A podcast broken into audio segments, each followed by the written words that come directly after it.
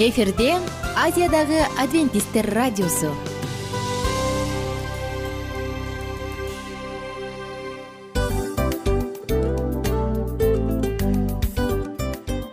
Достор салют. Баардык сүйүктүү угармандарыбызга салам айтабыз. Кутман күнүңүздөр менен. Ден соолук өмүрдүн булагы демекчи саламат саамы программасында баарыңыздарды көргөнүбүзгө абдан кубанычтабыз. Анда алгач амандашып өтөлү арбаңыздар деп. Ден соолугуңуздар кандай элибизде көбүнчө ден соолук кандай дегенде эле жакшы деп жооп беребиз э? ооруп турсак дагы жакшы дейбиз. Анан мен муну айтып ойлойт элем бул абдан сонун сөз депчи анткени бул жакшы деген үмүт да э ооба баары жакшы болот баары сонун. Деп үмүттөнүп атып эле өзүбүздү өзүбүз дарылап коебуз. Анысы кандай? Сиздин дагы ден соолугуңуз жакшы беш деген үмүттөбүз чындыгында ден соолук бул өмүрдүн булагы деп бекеринен айтылган эмес деп ойлойм. Кыргыз элинде. Анткени эгерде ден соолук жок болсо анда адамдын жашоосунда калган баардык керектүү маңыздуу нерселер өзүнүн баалуулугун жоготуп коет. Ошондуктан ден соолук бул эң керектүү нерсе. Ооба туура айтасың кесиптешим. Чынында ден соолугуң жок бир эки үч күн ооруп калсаң эле э кандай болуп калат? Жашоодо көз каранды болуп каласың көп нерсеге жетишпей каласың көп нерсени кыла албай каласың жада калса эчке дүкөнгө да чыга албай каласың. Туптуура анан ден соолук болсо демек биз биздин бактыбыз тотой деп койсок болот. Анда достор саламат саамы рубрикабызды баштайлы. Алдыда өзүңүзгө керектүү болгон сонун кеңештерди уга аласыздар. Мына ошондуктан биз менен бирге болуңуздар. Ал эми биз болсо милан жана айнура. Кеттик алга. Алга саламат саама ден соолуктун жарчысы. Саламат саама ден соолуктун ачкычы. Күн сайын сиз үчүн мыкты кеңештер сонун жаңылыктар кызыктуу фактылар. Биздин рубрикада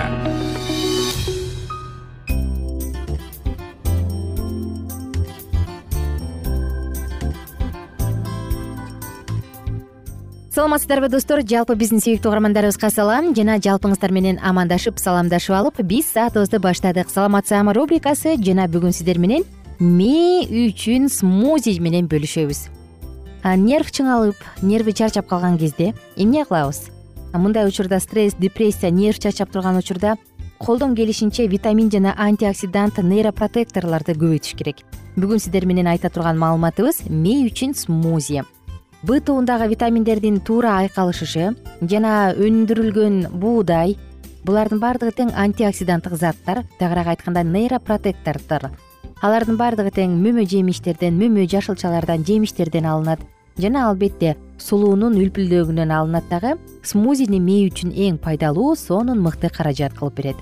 Мына ошондуктан эгерде сиз кайсы бир учурда чарчап нервиңиз чарчап атса өзүңүз чарчап стресс болуп нервоздуу болуп атсаңыз депрессия болуп атсаңыз анда мээ үчүн смузи сизге күнүнө бир эки жолу ичип койсоңуз нейрондордун баардыгын кадимки эле табигый энергия менен камсыздап берет. Мындай смузинин пайдалуулугу касиеттери нейропротектор. Андан тышкары акыл иш аракетин акылды акылдуулукту абдан жогорулатат. Антидепрессант антиоксидант жана азыктандыруучу касиетке ээ ошондой эле холестериндин деңгээлин төмөндөтөт жана мындай мээ үчүн смузинин курамында магний витамин фалат цинк витамин б алты фосфор темир витамин е да бар. А кандай гана болбосун кандай гана жасалма суусундук болбосун кофеби кофеиндин кайсы гана түрү болбосун булардын баардыгы тең мээни дал ушул смузи менен сыяктуу сергите албайт. Ошондуктан биз сизге сунуштай турган бул мээ үчүн сонун смузи. Кантип жасалат? Жасалуу жолдорун айта кетели сизге үч порция үчүн мына бул ыкмаларды ушунча азыкты колдонсоңуз болот. Ар бир порция эки жүз миллилитрден жана үч порция үчүн сизге эки чашка соя сүтү кечириңиз сулуу сүтү керек. Ар бир чашкада эки жүз кырк сегиз миллилитр болгону жакшы. Дагы бир жолу айтайын эки чашка соя сулуу сүтү сулуу сүтүн үйдөн жасап алсаңыз болот мурунку уктурууларда бөлүшкөнбүз кантип экенин же болбосо сатып алсаңыз болот. Эгерде сулуу сүтү жок болсо киноанын сүтүн пайдаланыңыз. Жана ошондой эле ежевика жарым чашка жарым чашка жаңы голубиканын эгер мүмкүн болсо асай же голжи даандарын уруктарын дагы колдонсоңуз болот. Ошондой эле жарым чашка клубника керек анын ордуна гуаваны пайдалансаңыз болот ошондой эле бир аш кашык өндүрүлгөн буудайдын даны керек. Алты грамм. Төрт финик. Ошондой эле алты грек жаңгагы. Эгерде грек жаңгагы эмес башканы колдоном десеңиз бразилия жаңгагын колдонсоңуз болот. Дагы бир жолу кайталап өтөйүн. Ингредиентте эки чашка сулуу сүтү анын ордуна киноа сүтүн пайдалансаңыз болот. Жарым чашка ежевика жарым чашка жаңы голубика свежий жарым чашка клубника же болбосо гуаваны пайдалансаңыз болот ошондой эле бир аш кашык өндүрүлгөн буудайдын даны төрт финик алты грек жаңгагы. Эми даярдай баштайбыз. Булардын баардыгын тең грек жаңгагын абдан жакшылап майдалаңыз перцемолкага же болбосо мясорубкага. Андан соң баардыгын тең жаңгактан тышкаркысын баарын блендерге салып аябай жакшылап аралаштырыңыз. Анын аны стакандарга куюңуз дагы үстүнөн майдаланган грек жаңгагын куюп коюңуз. Буга сахар же башка таттуу кылуучу эч кандай таттуу таттуулук кылуучу эч кандай азык кошулбай эле иче берсе болот. Дагы да мээге байланыштуу тынчсыздануу жөнүндө айта кетели. Кээ бир учурда биз аябай эле тынчсызданып э, тынчтыкты жоготуп коет эмеспизби. Демек бул учурда биздин мээбиз азыктандыруучу заттарга абдан муктаж. Тагыраак айтканда нерв системасын тең салмактуулукта сакташ үчүн абдан муктаж. Ошол үчүн сизге таттуу тынчтык деп аталган смузи менен бөлүшөлү таттуу тынчтыктын аздыгы тынчтыктын жоктугу нейрондордо глюкозанын жетишпей жатканынан дагы кабар берет. Ошондуктан биздин нервке биздин мээбизге кислород менен чогуу глюкоза дагы жетип турушу керек. Анан албетте мындай учурда эгер биз дайыма чарчап турсак тынчтыгыбыз кетип турса кыжырданабыз нервоздуу болобуз тынчсызданабыз айтор көп нерсе болот мына. Ошондуктан демек мээге бир нерсе жетпей жатканынан кабар берет. Эми сизге таттуу тынчтык деп аталган сонун смузинин негизги негизин эмне түзөт ошону айталы бул табигый булактар банан клубника жана бал. Булардын баардыгында тең эритилген сонун клетчаткалар бар. Жана ошондой эле булардагы глюкоза жана башка сахарлардын канга оңой сиңишин жөнгө салат. Ошондой эле достор бул жакта б жана б алты тобунун витаминдеринин сонун сонун булактары бар. Нейрондорго глюкозаны жеткирет дагы да айта турган болсок таттуу тынчтык деп аталган смузинин курамына сулуу дагы кирет. Сулуу болсо өзү эле нерв системасын тынчтандыруучу мыкты каражат. Мындай сонун таттуу смузини эртең менен таңкы тамак учурунда түштөн кийин ичсеңиз болот. Балдар жана чоңдор үчүн дагы абдан жагымдуу мындай таттуу тынчтык деп аталган смузинин касиетин айтсак адамды тынчтандырат ооруну сездирбейт биздин акыл эсибиз жумушубузду абдан ишкердүү жемиштүү болушуна жардам берет жана азыктандыруучу касиети бар. Ингредиенттерин бөлүшсөк сиз үчүн сизге үч порция жасаш үчүн таттуу тынчтык деп аталган смузинин болгону сизге эмне керек? Эки анча чоң эмес банан ар бири жүз граммдан болсо болот бир чашка клубника эки аш кашык кокос сүтү эки аш кашык өндүрүлгөн буудайдын даны эки аш кашык бал бир чашка сулуу сүтү керек. Эгер сулуу сүтү болбосо соя сүтүн пайдалансаңыз болот. Ушунун баардыгын тең блендерге салыңыз дагы бир масса пайда болгончокто абдан катуу чалыңыз болду сиз үчүн сонун таттуу тынчтык деп аталган сонун смузи даяр. Бул болсо тынчсызданууну ар кандай коркуу сезими бир жүрөктөн тынчтык кеткен сезим болот го мына дал ушуну жеңгенге жардам берет. Достор жана таттуу тынчтык деп аталган смузи витамин с б алты витамини магний фалат калий витамин б бир темир цинк б эки витамини ниацин сыяктуу азыктарга бай келет. Эмне демекчибиз достор? Оорубайлы биз эмне гана жебейли эмне гана ичпейли анын баардыгы тең ден соолугубузга салым кошуп сапаттуу жашашыбыз үчүн ар бир убактыбызды бактылуу өткөргөнгө жардам бериш үчүн болсун. Сиздер менен коштошом жана кийинки уктурууда дагы пайдалуу суусундуктарды улантабыз убада бергенбиз бул бөлүм пайдалуу суусундуктар бөлүмү. Ар бир орган үчүн суусундук деп аталат сиз үчүн дагы керектүү баардык маалыматтар дагы да жаңырат ошондуктан биздин ар бир уктуруубузду калтырбаганга аракет кылыңыз. Бар болуңуздар бай болуңуздар.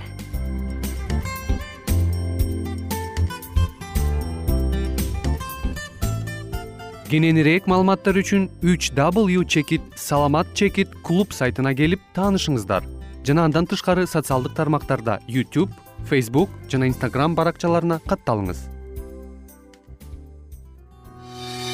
Саламат саама ден соолуктун жарчысы. Саламат саама ден соолуктун ачкычы. Күн сайын сиз үчүн мыкты кеңештер сонун жаңылыктар кызыктуу фактылар биздин рубрикада.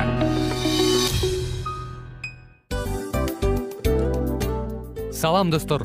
Кайрадан биздин сүйүктүү рубрикабызга кош келиңиздер деп айтмакчыбыз баардык замандаштарыбызга арбаңыздар деп саламыбызды айтабыз. Улуу ушундай бир э, урматтаган учурашуу менен анан дил маек радио баракчабызга чакырабыз. Негизи дил маек биздин рубрикабызда эмне жөнүндө кеп кылабыз бул дил маектин мааниси эмнеде рубрикабыз менен кичине тааныштырып кетсеңиз. Сөзсүз түрдө тааныштыра кетейин кесиптешим суранычы боюнча бул учурда бул радио баракчада биз ар тарап кесип ээлеринен сонун кеңештерди алабыз сүйлөшөбүз сырдашабыз аталарыбыздын эжелерибиздин апаларыбыздын кеңештерин угабыз. Айтор жан дүйнөгө адамдын э, сапатына адамдын деги эле адам болуп жашашына керектүү баардык кеңештер алдыда негизи э, дил маек дегенде баягы эки адамдын ортосундагы сырдашуу кенен сүйлөшүү. Негизи эле биз адамдар бири бирибиз менен бир жерге жай жерге отуруп алып өзүнчө тынч э, жашоо жөнүндө өмүрүбүздө эмне болуп атканын бөлүшкөнү жакшы көрөбүз э адамдар. Ооба туура айтасың анан мындай учурга кээде убакыт да жетпей келет э? Же болбосо сырыңды кайгыңды муңуңду кубанычыңды айткың келет адамга ишенбешиң мүмкүн. Ооба. А бул радио баракча угармандарыбыздын чыныгы досу анткени бизден алган кеңеш сиздин жашооңузга чоң жардам берет. Ал эми сиздин бизге айта турган сөзүңүз ортодо гана сыр бойдон калат. Ошондуктан биздин дил маек рубрикабызга дагы бир жолу кош келиңиздер. Жана биз даярдаган маалыматтарга даяр болуңуздар. Айнура жана милан сиздер менен бирге алдыга кеттик ар түрдүү ардактуу кесип ээлеринен. Алтын сөздөр жүрөк ачышкан сыр чачышкан сонун маек. Дил маек рубрикасында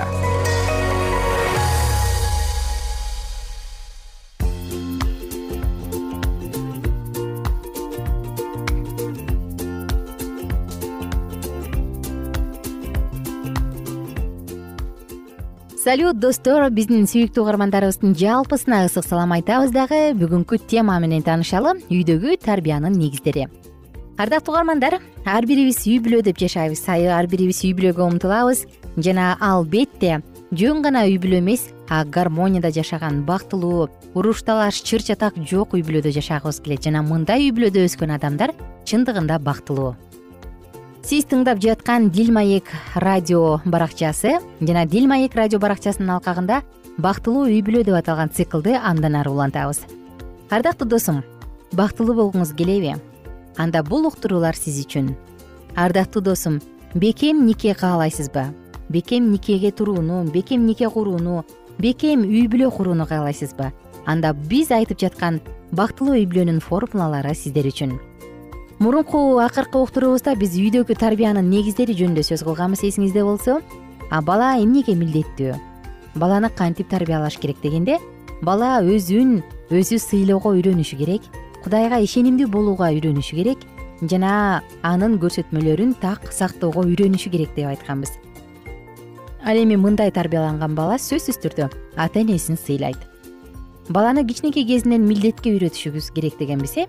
Кичинекей кезинен жоопкерчиликке артынан жыйнаганды билүүгө өзүн өзүн кам көрүүгө үйрөтүүгө үйрөтүш керек деп айтканбыз. Андан тышкары бала эгерде сиз тапшырма берсеңиз бирок аны аткарбай анан тил укпаштын амалын кылып эптеп эле келип кучактап өбүп коюп атса ии менин балам мени жакшы көрөт да деп өзүңүздү өзүңүз жооткотуп алдап койбоңуз. Анын ордуна тескерисинче балаңызга талап кылып жок муну жасашың керек сүйүү мындай эмес деп туура сүйүүнү көргөзүп берүү маанилүү дегенбиз дагы да эске сала кетсек балдарды сүйүү менен башкаргыла деп айтып өткөнбүз.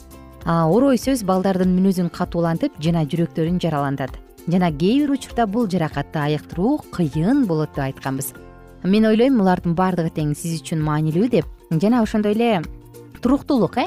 Ата эне экөө тең бир нерсени айтып экөө тең оюн тез тез алмаштырбай бир нерсени карашы керек. Мээрим менен чындык жолугушуп акыйкат менен тынчтык өбүшөт эгер ушундай тартип бийлеген үй бүлө болсо анда бул кудайдын үй бүлө буйруктарын аткара алган үй бүлө. Жана биримдик майдан ата эне бир тараптуу болгону зарыл ушул темабызды андан ары улантсак бир биз аяк акырында эмнени күбөрөбүз атанын жана эненин үнүнүн деңгээли алардын көз караштары сөздөрү булардын баардыгы алардын балдарды тарбиялоодо биримдүүлүгү жок экендигин күбөлөндүрүп турат.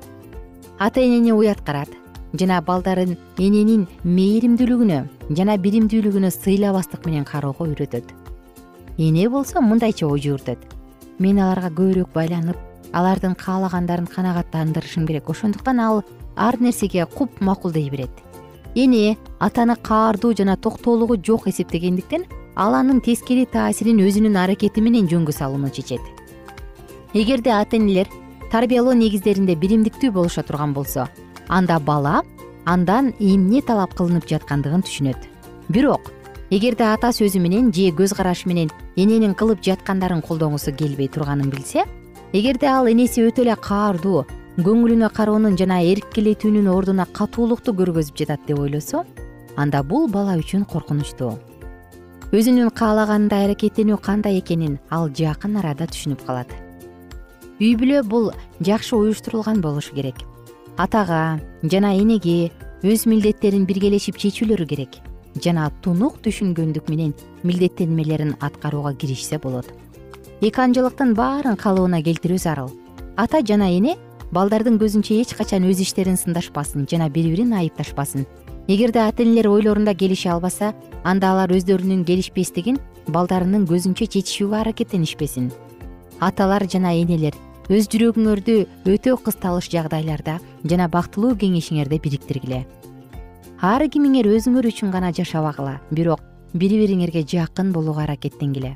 Жана ошондо гана силер сүйүүнүн жумшак түйүнү менен балдарыңардын жүрөгүн өз жүрөгүңөр менен байланыштырасыңар. Эркиндик жана тартип силердин үй бүлөңөргө туура келе турган жоопту тандап алгыла. Мындай варианттар бар. Тез тез кез кезде эч качан. Анда суроолорду бере баштайлы а сиз болсо өзүңүз үчүн белгилеп алыңыз. Биздин үй бүлөбүздөгү тартипке биз экөөбүз тең макулбуз. Биз биздин үйдөгү коюлган тартип талаптарын аткарууга аракеттенебиз.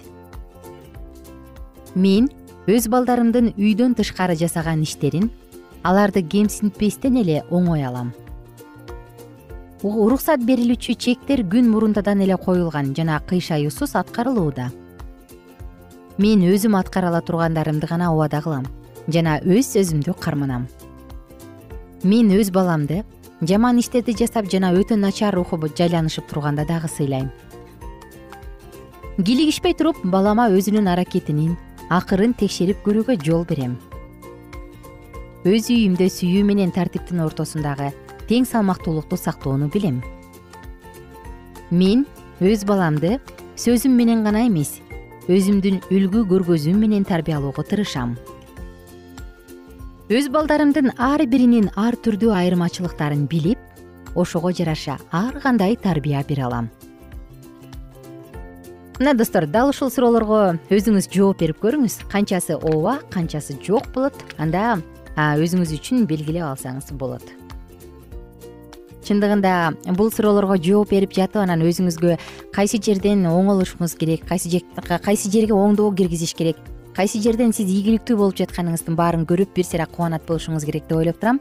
Чындыгында ата эненин убадага бек турбай койгону кандай гана жаман эми мисалы кичинекей кезинде кээде апам сөзүнө турбай койгондо аябай нааразы болуп кийинки жолу ишенбейм деп ушундай кылчу элем да албетте бул балалык анан мындай дайыма боло берчү эмес бирок ошентсе дагы балага убада берген соң ага сөзсүз түрдө туруңуз деп айтмакмын. Ошондо гана сиздин сөзүңүз авторитет болот сиз абройлуу болосуз. Мен болсо сиздер менен коштошом кийинки уктуруудан кайрадан амандашабыз достор. Күнүңүздөр көңүлдүү улансын бар болуңуздар бай болуңуздар. Эч нерсе маанайыңыздарды түшүрбөсүн. Кийинки уктуруубузда үй бүлөдөгү дин тууралуу сөз кылабыз. Жалпыңыздарга көңүлдүү күн ар бир үй бүлө бактылуу болсун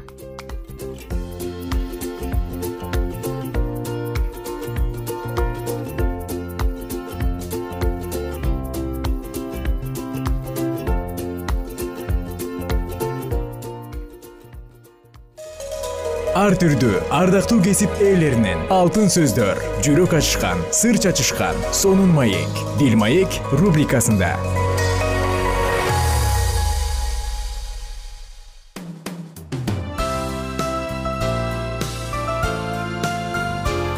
Эфирде азиядагы адвентисттер радиосу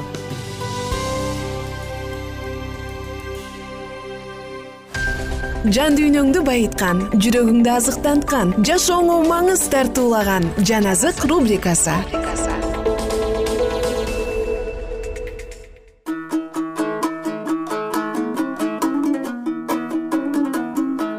Кутман күнүңүздөр менен достор жалпы биздин сүйүктүү угармандарыбызга ысык салам айтабыз жана жалпыңыздар менен кайрадан жан азык уктуруусун баштадык эсиңизде болсо биз сиздер менен инжил китебинде жазылган жакан жазган жакшы кабарды окуп жатканбыз жана бул китепти окууну улантабыз. Жакан жазган жакшы кабар төртүнчү бөлүм. Отуз тогузунчу аяттан ары уланталы. Ошол шаардагы самариялыктардын көпчүлүгү ал мага кылганымдын баарын айтып берди деп күбөлөндүргөн аялдын сөзү аркылуу ыйсага ишенип калышты. Ошондуктан алар ага келип андан өздөрү менен калуусун өтүнүштү. Ыйса ал жерде эки күн болду. Анын сөзүн угуп ага дагы көп киши ишенип калды. Алар аялга биз эми ага сенин сөзүң боюнча эле ишенип жаткан жокпуз. Анткени анын сөзүн өзүбүз да угуп анын чын эле дүйнөнүн куткаруучусу машаяк экенин билдик дешти. Эки күндөн кийин ыйса ал жерден галилеяга жөнөп кетти. Анткени ыйса өзү пайгамбар өз жеринде урматталбайт деп күбөлөндүргөн эле. Галилеяга келгенде ал жердин тургундары аны кабыл алышты. Анткени алар да иерусалимде болгон майрамга барып анын майрамда кылган иштеринин баарын көрүшкөн болчу. Ошентип ыйса галилеядагы каанага дагы келди. Ал жерде ал сууну шарапка айландырган эле. Капернаумда падышанын сарай кызматчысынын уулу ооруп жаткан. Ал ыйсанын жүйүт аймагынан галилеяга келгенин угуп ага келди да келип өлүм алдында жаткан баламды айыктыра көр деп өтүндү. Ыйса ага силер мага керемет жышаандарды көрмөйүнчө ишенбейсиңер деди. Сарай кызматчысы ага теңир балам өлүп кала электе келе көр деди. Ыйса ага кете бер балаң айыкты деди. Ал ыйсанын айткан сөзүнө ишенип үйүнө жөнөдү. Аны кулдары тосуп чыгышып балаң айыгып калды дешти ал кулдарынан баласынын кайсы убакта жакшы болуп калганын сурады. Кечээ жетинчи саат чамасында ысытмасынан айыкты деп жооп беришти алар. Ошондо ал ыйсанын балаң айыкты деп дал ошол убакта айтканын эстеди. Бүт үй бүлөсү менен ыйсага ишенип калды. Бул ыйсанын жүйүт аймагынан галилеяга келгенден кийин жасаган экинчи керемет эле. Жакан жазган жакшы кабар бешинчи бөлүм ошол күндөрдөн кийин жүйүттөрдүн бир майрамы болуп ыйса иерусалимге келди. Иерусалимдин кой дарбазасы деп аталган дарбазасынын жанында арамейче бетезда деп аталган көлмө бар эле. Аны беш бастырма курчап турчу. Ал жерде көптөгөн оорулуулар сокурлар аксактар шал болуп калгандар суунун чайпалышын күтүп жатышчу. Себеби кудайдын бир периштеси кайсы бир убакта ушул көлмөгө түшүп сууну чайпачу суу чайпалары менен сууга эң биринчи түшкөн адам кандай оорусу болсо да айыгып чыкчу. Ошол жерде отуз сегиз жылдан бери шал болуп ооруган бир адам бар эле. Ыйса аны көргөндө анын көптөн бери жатканын билип айыккың келеби? деп сурады. Оорулуу ага мырза суу чайпалганда мени көлмөгө түшүрө турган адамым жок мен жеткенче эле башка бирөө түшүп кетет деп жооп берди ыйсага ордуңан туруп төшөгүңдү ал да бас деди. Ал ошол замат оорусунан айыгып төшөнчөсүн алды да басып кетти. Бул ишемби күн эле. Ошондуктан жүйүттөр айыгып калган адамга бүгүн ишемби күн төшөгүңдү көтөрүп жүргөнгө болбойт дешти. Алар болсо ага мени айыктырган адам төшөгүңдү ал да бас деди деп жооп берди. Сага төшөгүңдү ал да бас деп айткан ким деп сурашты алар. Айыккан киши анын ким экенин билген жок. Анткени ыйса ошол жердеги элдин арасына кирип кеткен эле. Кийин ыйса ага ибадатканадан жолугуп мына сен айыктың абалың мурункудан да жаман болбош үчүн мындан ары күнөө кылба деди. Ал барып өзүн айыктырган ыйса экендигин жүйүттөргө айтты. Ошондо жүйүттөр ыйсаны ишемби күнү айыктыргандыгы үчүн өлтүрмөкчү болуп куугундуктай башташты. Ыйса болсо аларга атам ушул күнгө чейин иш кылып жатат ошондуктан мен да иш кылып жатам. Ал ишемби күнүн гана бузбастан кудайды атам деп өзүн кудайга теңеди деп жүйүттөр ыйсаны өлтүрүү үчүн мурдагыдан да көбүрөөк аракет кыла башташты. Ошондо ыйса аларга мындай деди. Чындыкты силерге чындыкты айтып коеюн атасынын кылганын көрбөсө уулу өз алдынча эч нерсе кыла албайт анткени уулу атасы кылганды кылат. Анткени атасы уулун жакшы көргөндүктөн өзү кылгандарынын баарын ага көрсөтөт. Ал тургай силер таң кала турган мындан чоң иштерди көрсөтөт.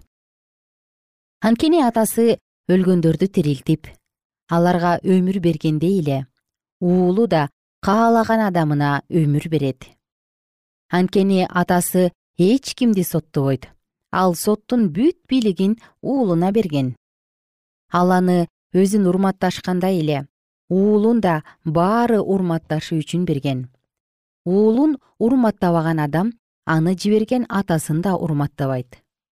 Чындыкты силерге чындыкты айтып коеюн менин сөзүмдү угуп мени жиберген кудайга ишенген адам түбөлүк өмүргө ээ ал соттолбойт анткени өлүмдөн өмүргө өттү. Чындыкты силерге чындыкты айтып коеюн өлгөндөр кудайдын уулунун үнүн угуп тирилер убакыт келет. Ал тургай келип да калды. Анткени атанын өзүндө өмүр бар болгон сыяктуу эле уулунда да атасы берген өмүр бар. Атасы ага сот жүргүзүү бийлигин да берди. Анткени ал адам уулу. Буга таң калбагыла анткени мүрзөдө жаткандардын баары кудай уулунун үнүн уга турган убак келет ошондо өлгөндөр мүрзөдөн чыгышат. Жакшылык кылгандар өмүргө ээ болуу үчүн жамандык кылгандар соттолуу үчүн тирилишет. Мен өз алдымча эч нерсе кыла албайм. Атам мага кандай айтса ошондой соттойм. Менин сотум адилет анткени мен өз каалоомду эмес мен жиберген атамдын каалоосун аткарам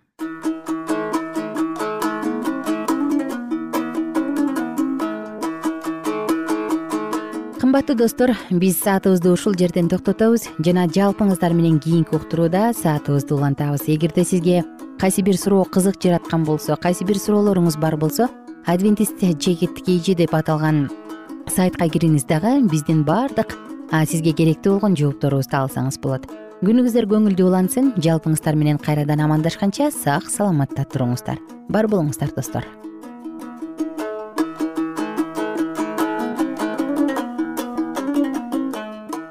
эгер сиздерде суроолор болсо же көбүрөөк маалымат билем десеңиз анда биздин whatsapp номерибизге жазыңыз.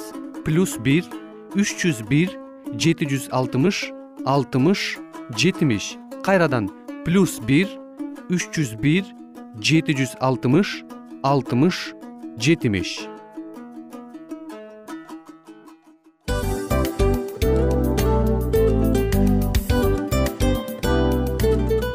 ушул менен достор программабыздын уктуруубуздун эң кайгылуу мөөнөтүнө келип жеттик. Кайгылуу дегенде ыйлагым келип кетти кесиптеш. Кадимкидей. Анткени баягы учурашасың анан коштошуу учур келгенде ии кантип ии эми эми бат келиптир э сагындырбай деп атып араң коштошобуз го. Анысы кандай угармандарыбыз менен коштошчу учур келди. Кийинки уктурууларды сагыныч менен жүрөгүбүздө кусалык менен күтөбүз жалпыңыздарды анан жарым сааттык уктуруу көз ачышым канча өтүп кетти. Сөзсүз бирок бизде жакшы кабар бар. Кийинки уктурууларыбызда сөзсүз дагы кезигишебиз. Анткени биз көптөгөн сюрприздерди кызыктуу маалыматтарды жана керектүү керектүү нерселердин көбүнчөсүн даярдадык. Анда угармандарыбыздын баардыгына ийгиликтүү күн каалайбыз. Эгерде бүгүнкү күнүңүз өзгөчө э, өтүшүн кааласаңыз анда позитивдүү ой жүгүртүп жылмайып жакындарыңызга жакшы маанай тартуулап жүрө бериңиз. Анткени сөзсүз түрдө мунун арты кайтат э? Сөзсүз. Баягы ден соолугуң оңолот ал бул деп көп нерсени санап келебиз. Эң негизгиси бул сиздин жашооңузду жаркын кыла түшөт экен. Жараткан кудай ар бирөөңүздөргө батасын берсин жашооңуз ийгиликтүү болсун сак саламатта калыңыздар деп мен милан жана кесиптешим айнура. Баардыгыңыздар менен кийинки уктурууда үн алышканча. Баарыңыздарга ийгилик каалайбыз